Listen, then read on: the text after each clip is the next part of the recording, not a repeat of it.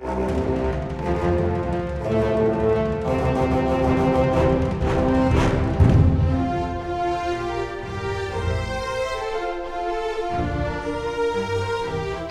til Frankrike forklart, en podkast der du får svar på alt du lurer på om Frankrike. Jeg heter Frank Urban. Og jeg er Kjersti Naukrust. I denne episoden av Frankrike forklart skal Frank og jeg se nærmere på den franske nasjonalforsamlingen, l'Assemblée nationale, som fikk en ny sammensetning etter parlamentsvalget som fant sted eh, i juni. Vi hadde en episode før sommeren om selve, valgordningen, det var i mai, og der kom vi også med en del spådommer om hvordan vi trodde selve valget ville gå. Nå sitter vi jo med fasiten, faktisk. Macrons parti, vet vi, mistet det absolutte flertallet. Venstresidens allianse NUPES ble en relativ suksess, og partiet til Marine Le Pen, Rassemblement National, fikk altså en rekordstor gruppe representanter. Først, Frank, kan ikke du gå gjennom resultatene for, for, oss? Hvordan ser den nye nasjonalforsamlingen ut? Hvor mange representanter fikk de ulike partiene og alliansene innvalgt? Når det gjelder resultatene, så kommer jeg ikke til å komme med prosenter, men jeg kommer til å si hvor mange representanter som sitter i nasjonalforsamlingen. Og da er det viktig å gjøre forskjellen mellom uh, partier og grupper. Det vil si at flere partier kan inngå i en allianse, en gruppe, eh, og, og dermed Eller en allianse, og så kan man ha grupper ved siden av. Eh, så eh, hvis man ser på nasjonalforsamlingen i, i sin helhet, så er det ti grupper i nasjonalforsamlingen. Tre av dem utgjør majoriteten, altså støtter presidentens politikk. Sju av dem utgjør opposisjon, opposisjonspartiene, opposisjonsgruppene i nasjonalforsamlingen. Så tre mot sju, som utgjør ti grupper. Når det gjelder størrelsen på de ulike gruppene, så er det veldig ulike tall som er ute og går i systemet. Så jeg sjekka i går kveld på websiden til nasjonalforsamlingen for å ha tallene fra nasjonalforsamlingen. Og da er det slik at uh, hvis man begynner f.eks. med de tre partiene som utgjør uh, majoriteten, altså som støtter presidentens politikk, så har man partiet Renaissance, som tidligere het En Marche, som har totalt sett, hvis man tar medlemmene pluss de som støtter gruppen, så har vi 170 medlemmer. og så har vi sentrumspartiet Modem, og de uavhengige, eh, som eh, til sammen har 49 medlemmer. Og så har vi høyre, altså sentrums høyre parti eh, til Edouard Philippe, Horizon, som til sammen medlemmer og støttespillere har 30 medlemmer. Så totalt sett har vi 249 medlemmer som sitter i den gruppen. Og det er ikke helt det tallet som man får ellers. ikke sant? 249, men det er fortsatt under da absolutt flertall, ikke sant? Som er på 289. 289, Så de mangler 40, de mangler faktisk. ganske mange. Ja. Mm. Og du nevnte Edouard Philippe, bare minne om at han er tidligere statsminister, og kanskje holder på å posisjonere seg litt til eh, valget presidentvalget i 2027? Absolutt. Mm. Så disse tre, disse tre, gruppene eh, de utgjør eh, majoriteten i nasjonalforsamlingen. Eh, hvis man tar opposisjonsgruppene, så kan man kanskje begynne med altså Jeg begynner fra, på, på, ovenfra fra, på, på, min liste. Og da har man Nasjonal Samling, altså partiet til, nasjonal, til Marine Le Pen, som har 88 medlemmer og én støttespiller, dvs. Si 89 medlemmer. Eh, og så har vi republikanerne, Høyrepartiet Republikanerne, eh, som har 59 medlemmer pluss tre støttespillere. 62 medlemmer. Ehm, hvis man ser på venstresiden nå, og ser på den alliansen som heter NUPES, som du nevnte, Kjerstin, så eh, det er fire, fire grupper som utgjør den, den alliansen NUPES. Eh, den første, den største, den største gruppen, det er det ukuelige Frankrike til Mélenchon, altså France Insoumise, som har 75 eh, eh, medlemmer i den gruppen. Som er den største i den alliansen. Og så har man sosialistene og støttespillere, som er en del av NUPES, som har 27 medlemmer pluss 4 støttemedlemmer, 31 totalt. Og så har man eh, De grønne med 23 medlemmer. Og så har man eh, altså Kommunistpartiet og likesinnede med 22 eh, medlemmer. Totalt sett har man 151 eh, mandater. I NUPES. Ja. Mm. For å oppsummere 249 Og så har man siste, en siste gruppe som heter Liberté indépendant outremer et territoire, som var på 20, 20 stykker. Og den gruppen er en samling av litt sånn regionalister, sentrumshøyre, sentrumsvenstre, men, men, sitter i, opposisjonen, Mm. Men kan fra sak til sak støtte eller ikke støtte regjeringens lovforslag. Mm. Og så er det sju per dags dato så er det sju stykker som ikke har noe tilhørighet. Så totalt sett 577 medlemmer i nasjonalforsamlingen. 249 for uh, Ensemble, 151 for Nypes, 62 for Republikanerne og 89 for uh, Nasjonal uh, Samling. Det er de største. Det er de største. Sånn at uh, Rassemblement Nationals gruppe alene utgjør jo den største opposisjonsgruppen, mens Nupes samlet opp, uh, utgjør den største opposisjonsalliansen, kan Absolutt. man si. Ikke sant? Ja. Og, og, det som er interessant, det er jo at sammen har de heller ikke flertallet på 289. Så ingen har flertall på, på 289 i den nåværende nasjonalforsamlingen. Og det er jo ganske spesielt eh, under den femte republikk, eh, ikke sant? Det har jo skjedd før, men eh, det er lenge siden det skjedde. Eh, og vi, vi, kan komme tilbake til det senere, men, men det er klart at det, det, det tvinger fram en, en, ny type politikk som man ikke har sett på lenge i nasjonalforsamlingen. Vi kan jo egentlig ta den med en gang, fordi mm. at det er vel den største endringen fra 2017 til 2022 at Macrons parti har mistet det absolutte flertallet.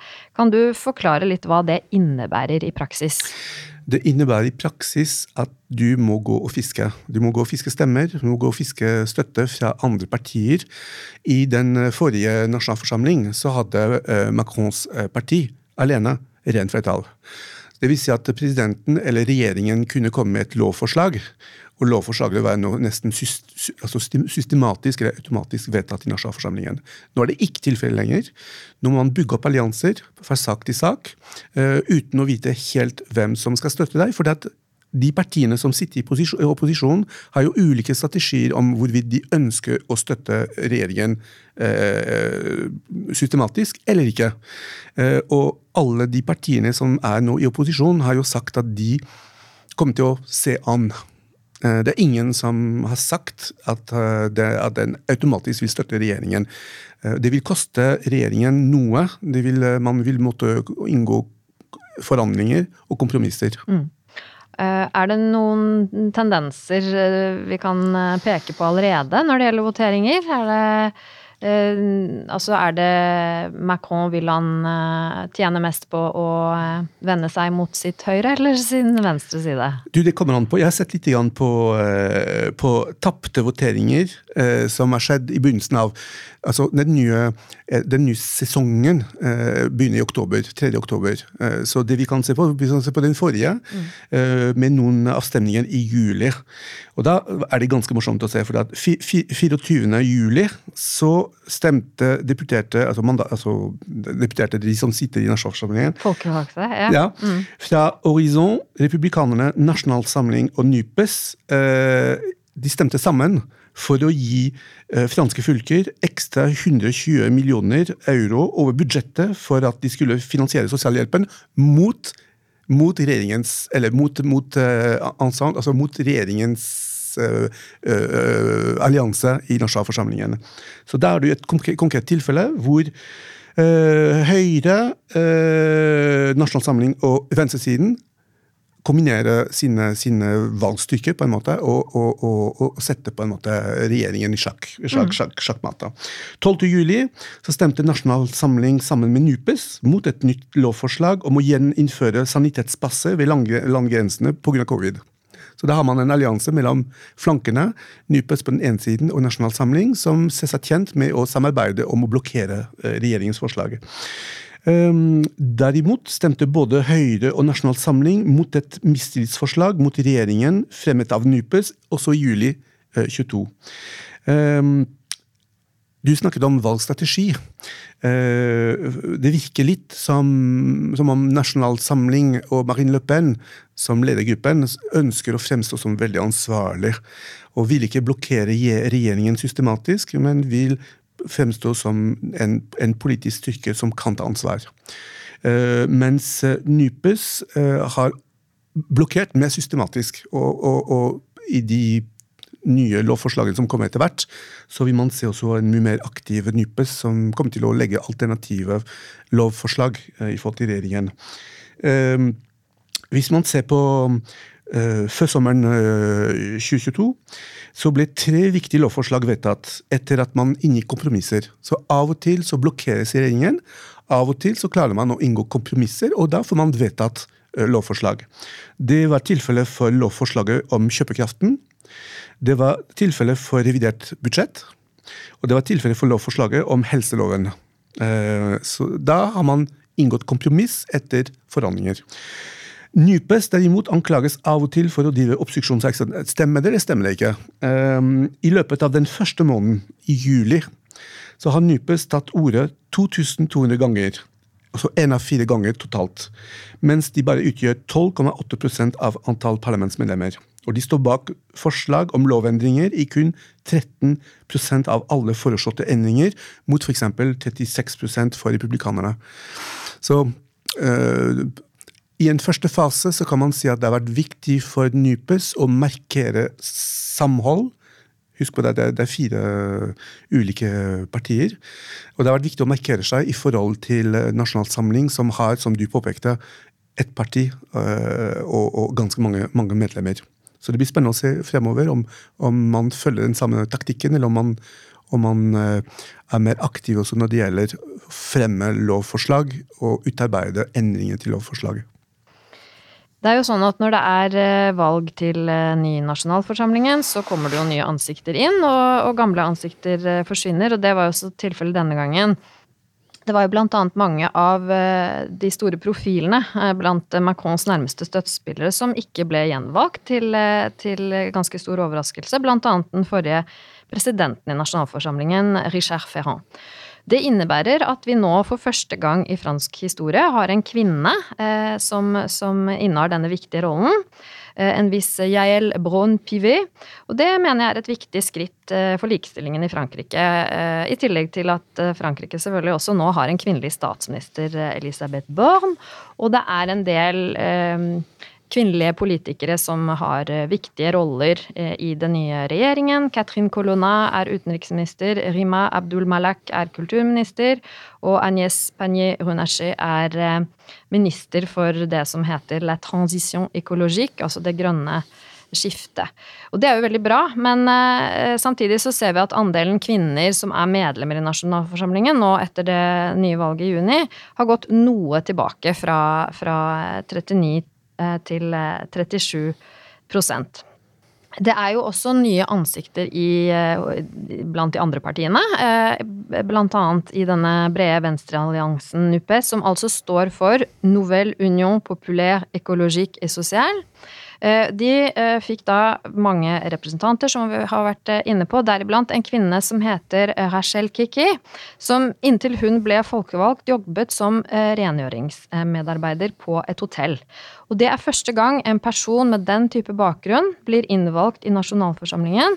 Og det mener jeg er viktig for at hele befolkningen skal, skal føle seg representert. Eh, Frank, kanskje du kan si litt mer om, om NUPES og, og, og, denne brede valgalliansen som har synes å være en, en, suksess. Tror du det er oppskriften på også fremtidige suksesser for venstresiden i Frankrike? Altså, NUPES er jo en allianse som i utgangspunktet ingen ville ha.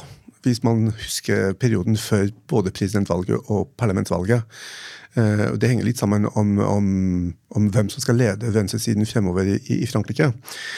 Og hvis man ser på Kommunistpartiet og på det som er igjen av Sosialistpartiet, hvis man ser på valgresultatet både i, altså, nei, valgresultatet i presidentvalget i år, så er det ikke tvil om at uh, styrkeforholdet på venstresiden har jo endret seg. Og det er nå Melanchons parti som leder klart an, eh, og som fører på en, på en måte venstresiden videre. Så det er klart at kommunistene og, og, sosialistene, og de grønne delvis, føler seg ikke nødvendig tjent med å gå inn i den alliansen, men de har ingen alternativ per dags dato. Eh, og det er kun fordi at NUPES ble en suksess, at de nå har fått den rollen de har i nasjonalforsamlingen. Når det gjelder å ha en stemme, når det gjelder å kunne bidra til lovforslagene, og når det gjelder å kunne sitte i de ulike komiteene eh, og kunne fremme forslag til agenda, på agendaen. Så det har vært redningsplanken for dem. Og om de, de, erfaringen vil vise om de fortsatt er samkjørt. At det skjer ikke uten, uten motstand innad i partiene. For eksempel, du, Sosialistpartiet er et godt eksempel på at man er litt uklar egentlig om hva man ønsker som strategi fremover i forhold til Mélenchons parti, ikke sant, Kjerstin? Ja, det er jo noen av de eh, gamle profilene i Partisosialist som eh, ofte omtales som eh, elefanter. litt ja, litt slemt kallenavn, kanskje. Men blant annet tidligere president Francois Hollande, tidligere statsminister Bernard Cazeneuve, som er veldig negative til denne alliansen, mener at den er for radikal. De kjenner ikke igjen sitt moderparti i den nye alliansen, og er sterkt eh, kritiske til da leder av eh, Sosialistpartiet, Olivier Faure, forsøker eh, sågar å få han ut av ledelsen i, i, partiet. Så vi får se hvordan, hvordan det går fremover.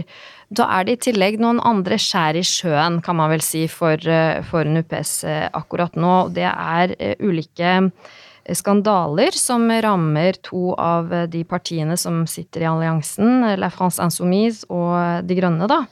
Eh, for flere av eh, LFI, altså La France Insoumise største profiler, deriblant eh, lederen for finanskomiteen Eric Coquerel og Jean-Luc Mélenchons høyre hånd, Adrien Quatennens, de er eh, anklaget, eh, førstnevnte for seksuell trakassering, mens sistnevnte nå nylig har trukket seg fra ledelsen i partiet etter å selv å ha innrømmet å ha utført partnervold mot sin fraseparerte kone. Og dette er jo eh, alvorlige anklager, eh, alvorlige saker. Eh, måten Jean-Luc Mélenchon taklet eh, den eh, Catnance-saken, var at han, eh, han umiddelbart tweeta sin støtte til da partiets kronprins, og det er det mange som har reagert på, særlig mange kvinner innad i partiet.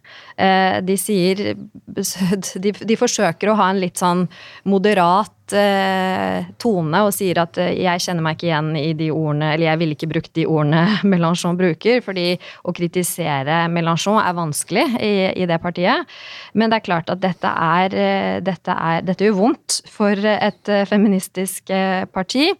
Og så er det en skandale som nylig har rammet av De Grønne, hvor Julien Bayou, som er en av to gruppeledere for partiet i nasjonalforsamling, nettopp har trukket seg fra sitt verv etter å ha blitt blitt anklaget for, å, eh, for psykisk mishandling eh, av sin fraseparerte samboer, og, og, har fått da eh, offentlige anklager fra partifeller, som eksempelvis Sandrine Rousseau, som også er en profilert politiker hos De Grønne.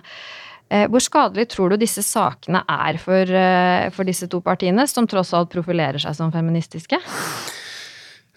Altså det er en, jeg tror det er en generasjonskonflikt innad i partiet mellom de som fortsatt har et, eh, et, et patriarkalsk syn på, på, på, hvordan politikk skal drives, og de som er mer åpne for et moderne syn på feminismen og, og på likestilling. Eh, og, og, og, forhold til, til vold innad i familien. Eh, så det er på tide på en måte at eh, eldre ledere trekker seg. Eh, det er tilfellet for Mélenchon, og nye ansikter må komme og ha en klarere profil når det gjelder akkurat de temaene. tenker jeg. Og det, det er litt sånn vondt når det gjelder De grønne, for her er det i tillegg en intern maktkamp om hvem som skal lede De grønne senere. og det som altså Det var flere innlegg i presten de siste, de siste dagene om, om å stemple politikere uten altså, det, det, foreligger ingen formell anklagelse.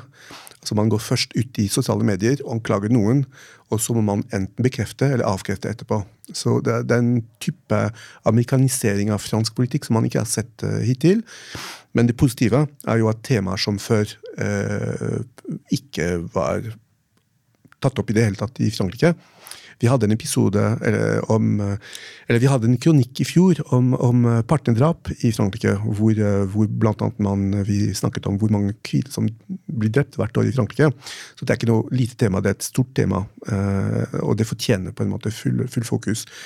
Så disse temaene og de, disse reaksjonene tyder på at, at, at en sånn oppførsel fra politikernes side, mannlige, ikke lenger er godtatt. Og har skjedd en endring, eh, selvfølgelig etter metoo, da. Eh, som har, har betydd mye i Frankrike, mm, selv om, selv om, den kanskje kom litt senere i gang enn, enn i andre land. Vi skal se også på ting som skjer i andre partier. Rassemblement National, som nevnt, har jo fått rekordstor gruppe. Og Marine Le Pen virker som hun ønsker nå å vie hele sin oppmerksomhet til å holde styr på den rekordstore gruppa, så hun eh, er i ferd med å gå ut av partiledelsen. Og nå skal det da velges en en ny leder. For første gang så blir det en som ikke bærer navnet Le Pen eh, som, som etternavn. Og det står mellom partiets kronprins eh, Jordan Berdila og Marine Le Pens eh, tidligere samboer og ordfører i Perpignan, Louis Alliot. Er det egentlig store politiske forskjeller mellom, mellom, disse to? Jeg oppfatter at de begge to er ganske nærme Marine Le Pen og hennes politiske linje? Ja, altså det, det, er vanskelig å si. altså. Det, det, det, igjen, det er et spørsmål om generasjon. Yngre leder kontra en eldre, mer etablert leder. Og så kanskje syne på om partiet skal bevege seg mer mot, mot venstre og venstre velgere, eller om partiet skal på en måte fortsatt dyrke konservative verdier som ligger mer mot, mot høyre. Så det er kanskje der forskjellen ligger mellom de to.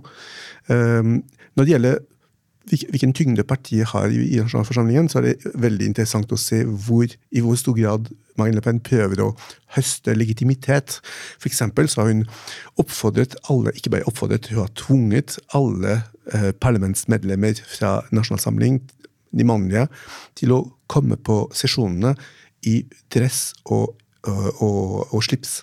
For å, for å, vise på en måte at eh, partiet tar ansvar og tar på en måte nasjonalforsamlingen på alvor. Mer eh, interessant, eller noen vil si bekym bekymringsfullt, men jeg sier interessant, men litt urovekkende kanskje, er jo at eh, det er to eh, altså det er to visepresidentstillinger i nasjonalforsamlingen. Begge eh, visepresidentstillingene eh, gikk til eh, Nasjonal Samling.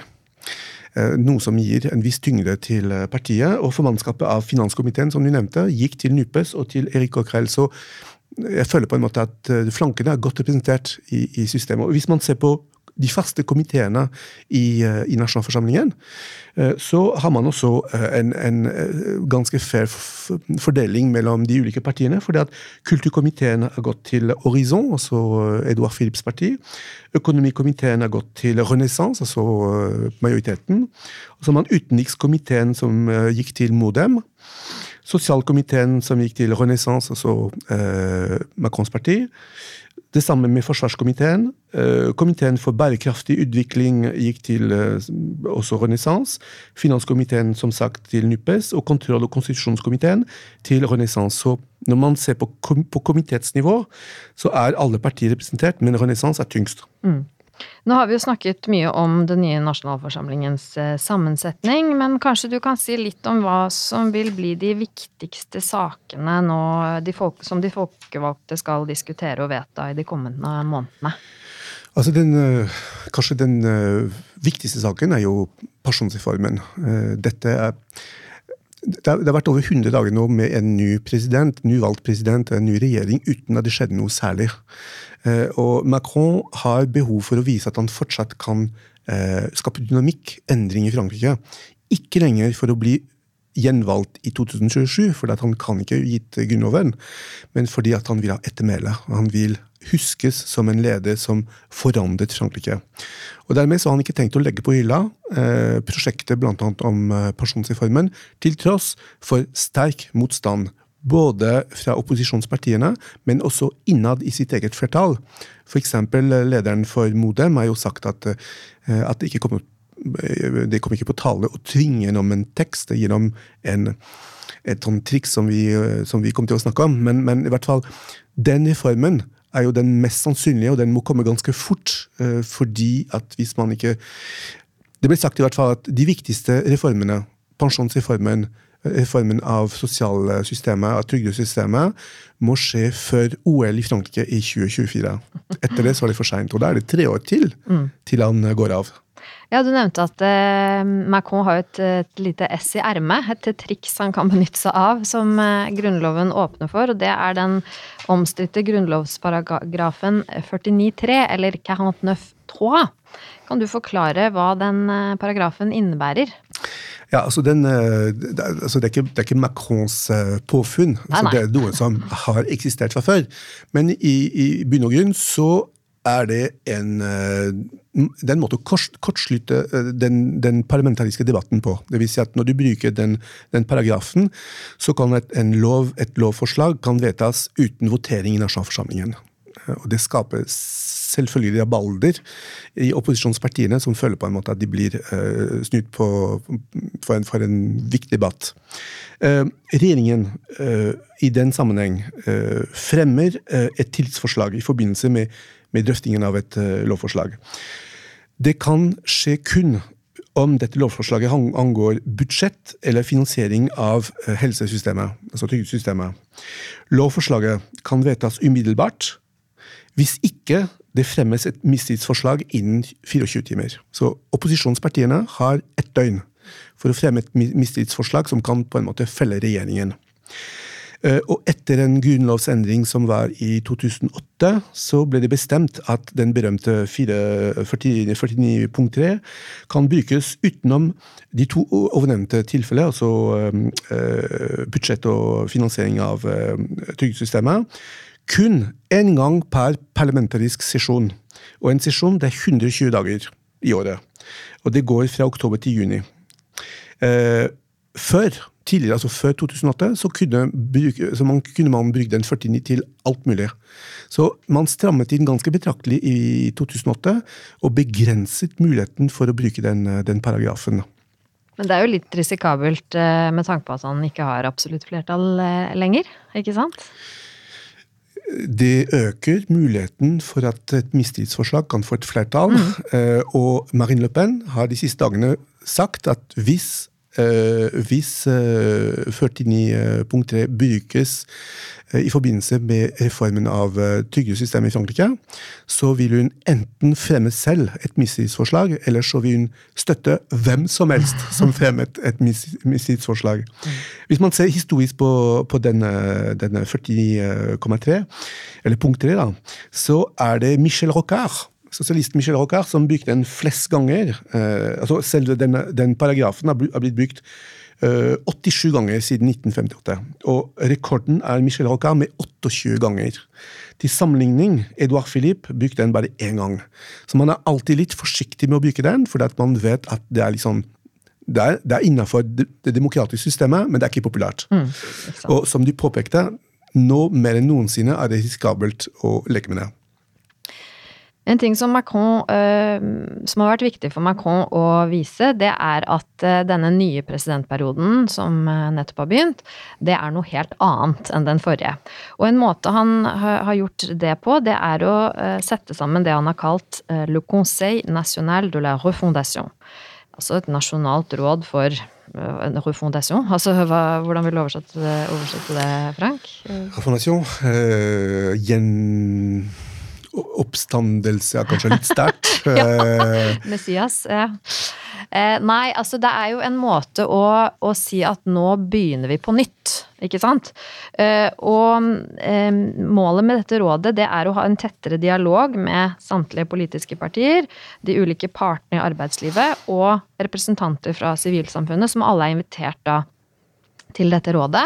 Og han vil med dette vise at eh, han er blitt mer lydhør, ikke sant? at han har lært av eh, anklagene han fikk i forrige presidentperiode. Eh, men problemet er jo bare at veldig mange mener at dette er nok et PR-stunt fra Macron sin side, og at han med dette nye rådet nærmest vil hoppe bukk over parlamentet og den demokratiske debatten som faktisk bør foregå der, og ikke i et eller annet råd Macron har, har er satt sammen. Så de fleste i opposisjonen de velger å boikotte. De, de, ønsker ikke å delta eh, til tross for at de var invitert. Og selv den konservative lederen i Senatet, Gerard eh, Lashi, deltar i, i denne boikotten. Og det kan jo bety at det er et ganske mislykka grep, eh, eller hva tror du? Jeg tror det kommer uh, altså, Man bør ta hensyn til den nye sammensetningen i nasjonalforsamlingen. og Det gjør ikke Macron, for så vidt. Han prøver å kortslutte, som du sier, uh, nasjonalforsamlingen. En annen ting som blir brukt, er jo at man prøver å samle opposisjonspartiene i forkant av drøftingen av lovforslag, for å skape konsensus. Men det er ikke opposisjon, opposisjonspartiene interessert i, fordi de er i opposisjon, og deres rolle er jo å opponere. Mm. Så de har jo sagt at nei, vi kommer verken til å treffes i, uh, ut, utenom parlamentariske, den parlamentariske rammen, mm. eller i forkant av drøftingen, drøftingen av lovforslag, for vår rolle er jo å foreslå endringer uh, til de tekstene som fremmes av, av regjeringen. Mm. Så um, dette, er, eh, dette, var jo et interessant påfunn. Jeg syns ikke Det virker som det, det, er, ikke, det er ikke helt koblet til virkelighetsbildet. Mm. Og jeg tror ikke det kommer til å føre til noe som helst. Ikke sant. Men en annen, en annen eh, måte Macron nå forsøker å vise at han er mer lydhør og i dialog, det er at han åpner for å arrangere eh, folkeavstemninger. Som han ikke har gjort da i den første presidentperioden, og som Grunnloven eh, åpner for. Eh, og et tema han har nevnt der, er eh, eutanasi, altså aktiv dødshjelp. At, skal, at, det skal avholdes en folkeavstemning om det. Og han har også åpnet for at det kan eh, avholdes folkeavstemning om et så viktig tema som pensjonsreformen. Så får vi se hva, hva det blir til. Ja, det er det, du, det, du, nevner, fordi at dette er egentlig l'arlésienne, som man sier på fransk. Det vil si at det er noe som man snakker hele tiden uten å gjøre det. Eh, de siste gangene man har hatt folkeavstemninger i Frankrike, gikk det ganske dårlig. altså Jeg tenker på den folkeavstemningen om EUs grunnlovstraktat i 2005, som førte til at det franske folket stemte eh, imot. Et annet spørsmål som, du, som jeg syns er interessant, er jo også det komplekse forholdet som franskmennene har, eller en, en del av franskmenn, til Eh, til nasjonalforsamlingen og nasjonalforsamlingens rolle i, i, samfunnet. Lenge så har man gnålt og sagt at det var et demokratisk underskudd i Frankrike. At man måtte endre grunnloven, at man måtte innføre forholds, uh, forholdstallsvalg i, i, det franske system. Og, og, nå har man fått en, en, en, nasjonal forsamling i Frankrike som avspeiler bedre enn noensinne mangfoldet i det franske samfunn.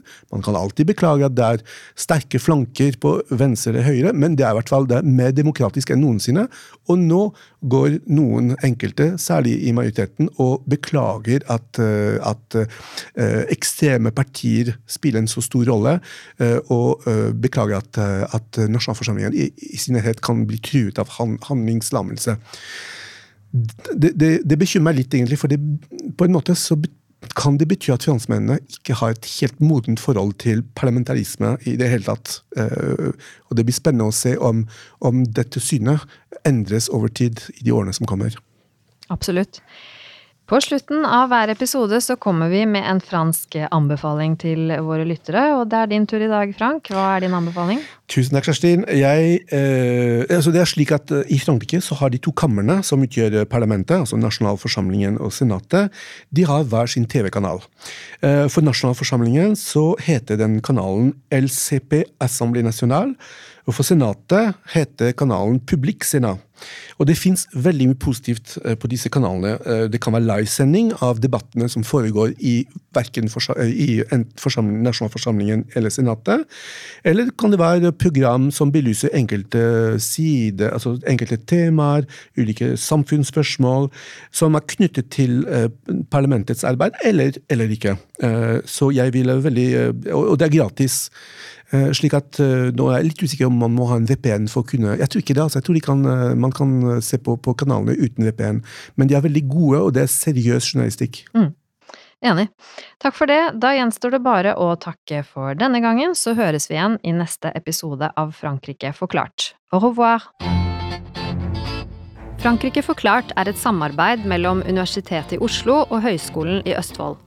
Podkasten er støttet av Det norske universitetssenteret i Paris og Institut Francais i Oslo, og har full redaksjonell frihet. Abonner på Frankrike forklart på iTunes, Spotify eller på andre plattformer der du lytter til podkast. Har du kommentarer til oss eller forslag til temaer vi bør ta opp, kan du sende inn det via vår Facebook-side Frankrike forklart. Alle dagens referanser ligger på denne Facebook-siden og på nettsiden vår Vi skriver en kronikk i forbindelse med hver episode som belyser dagens tema fra en litt annen vinkel. Kronikken finner dere på forskning.no, Transitmagasin og på nettsiden vår.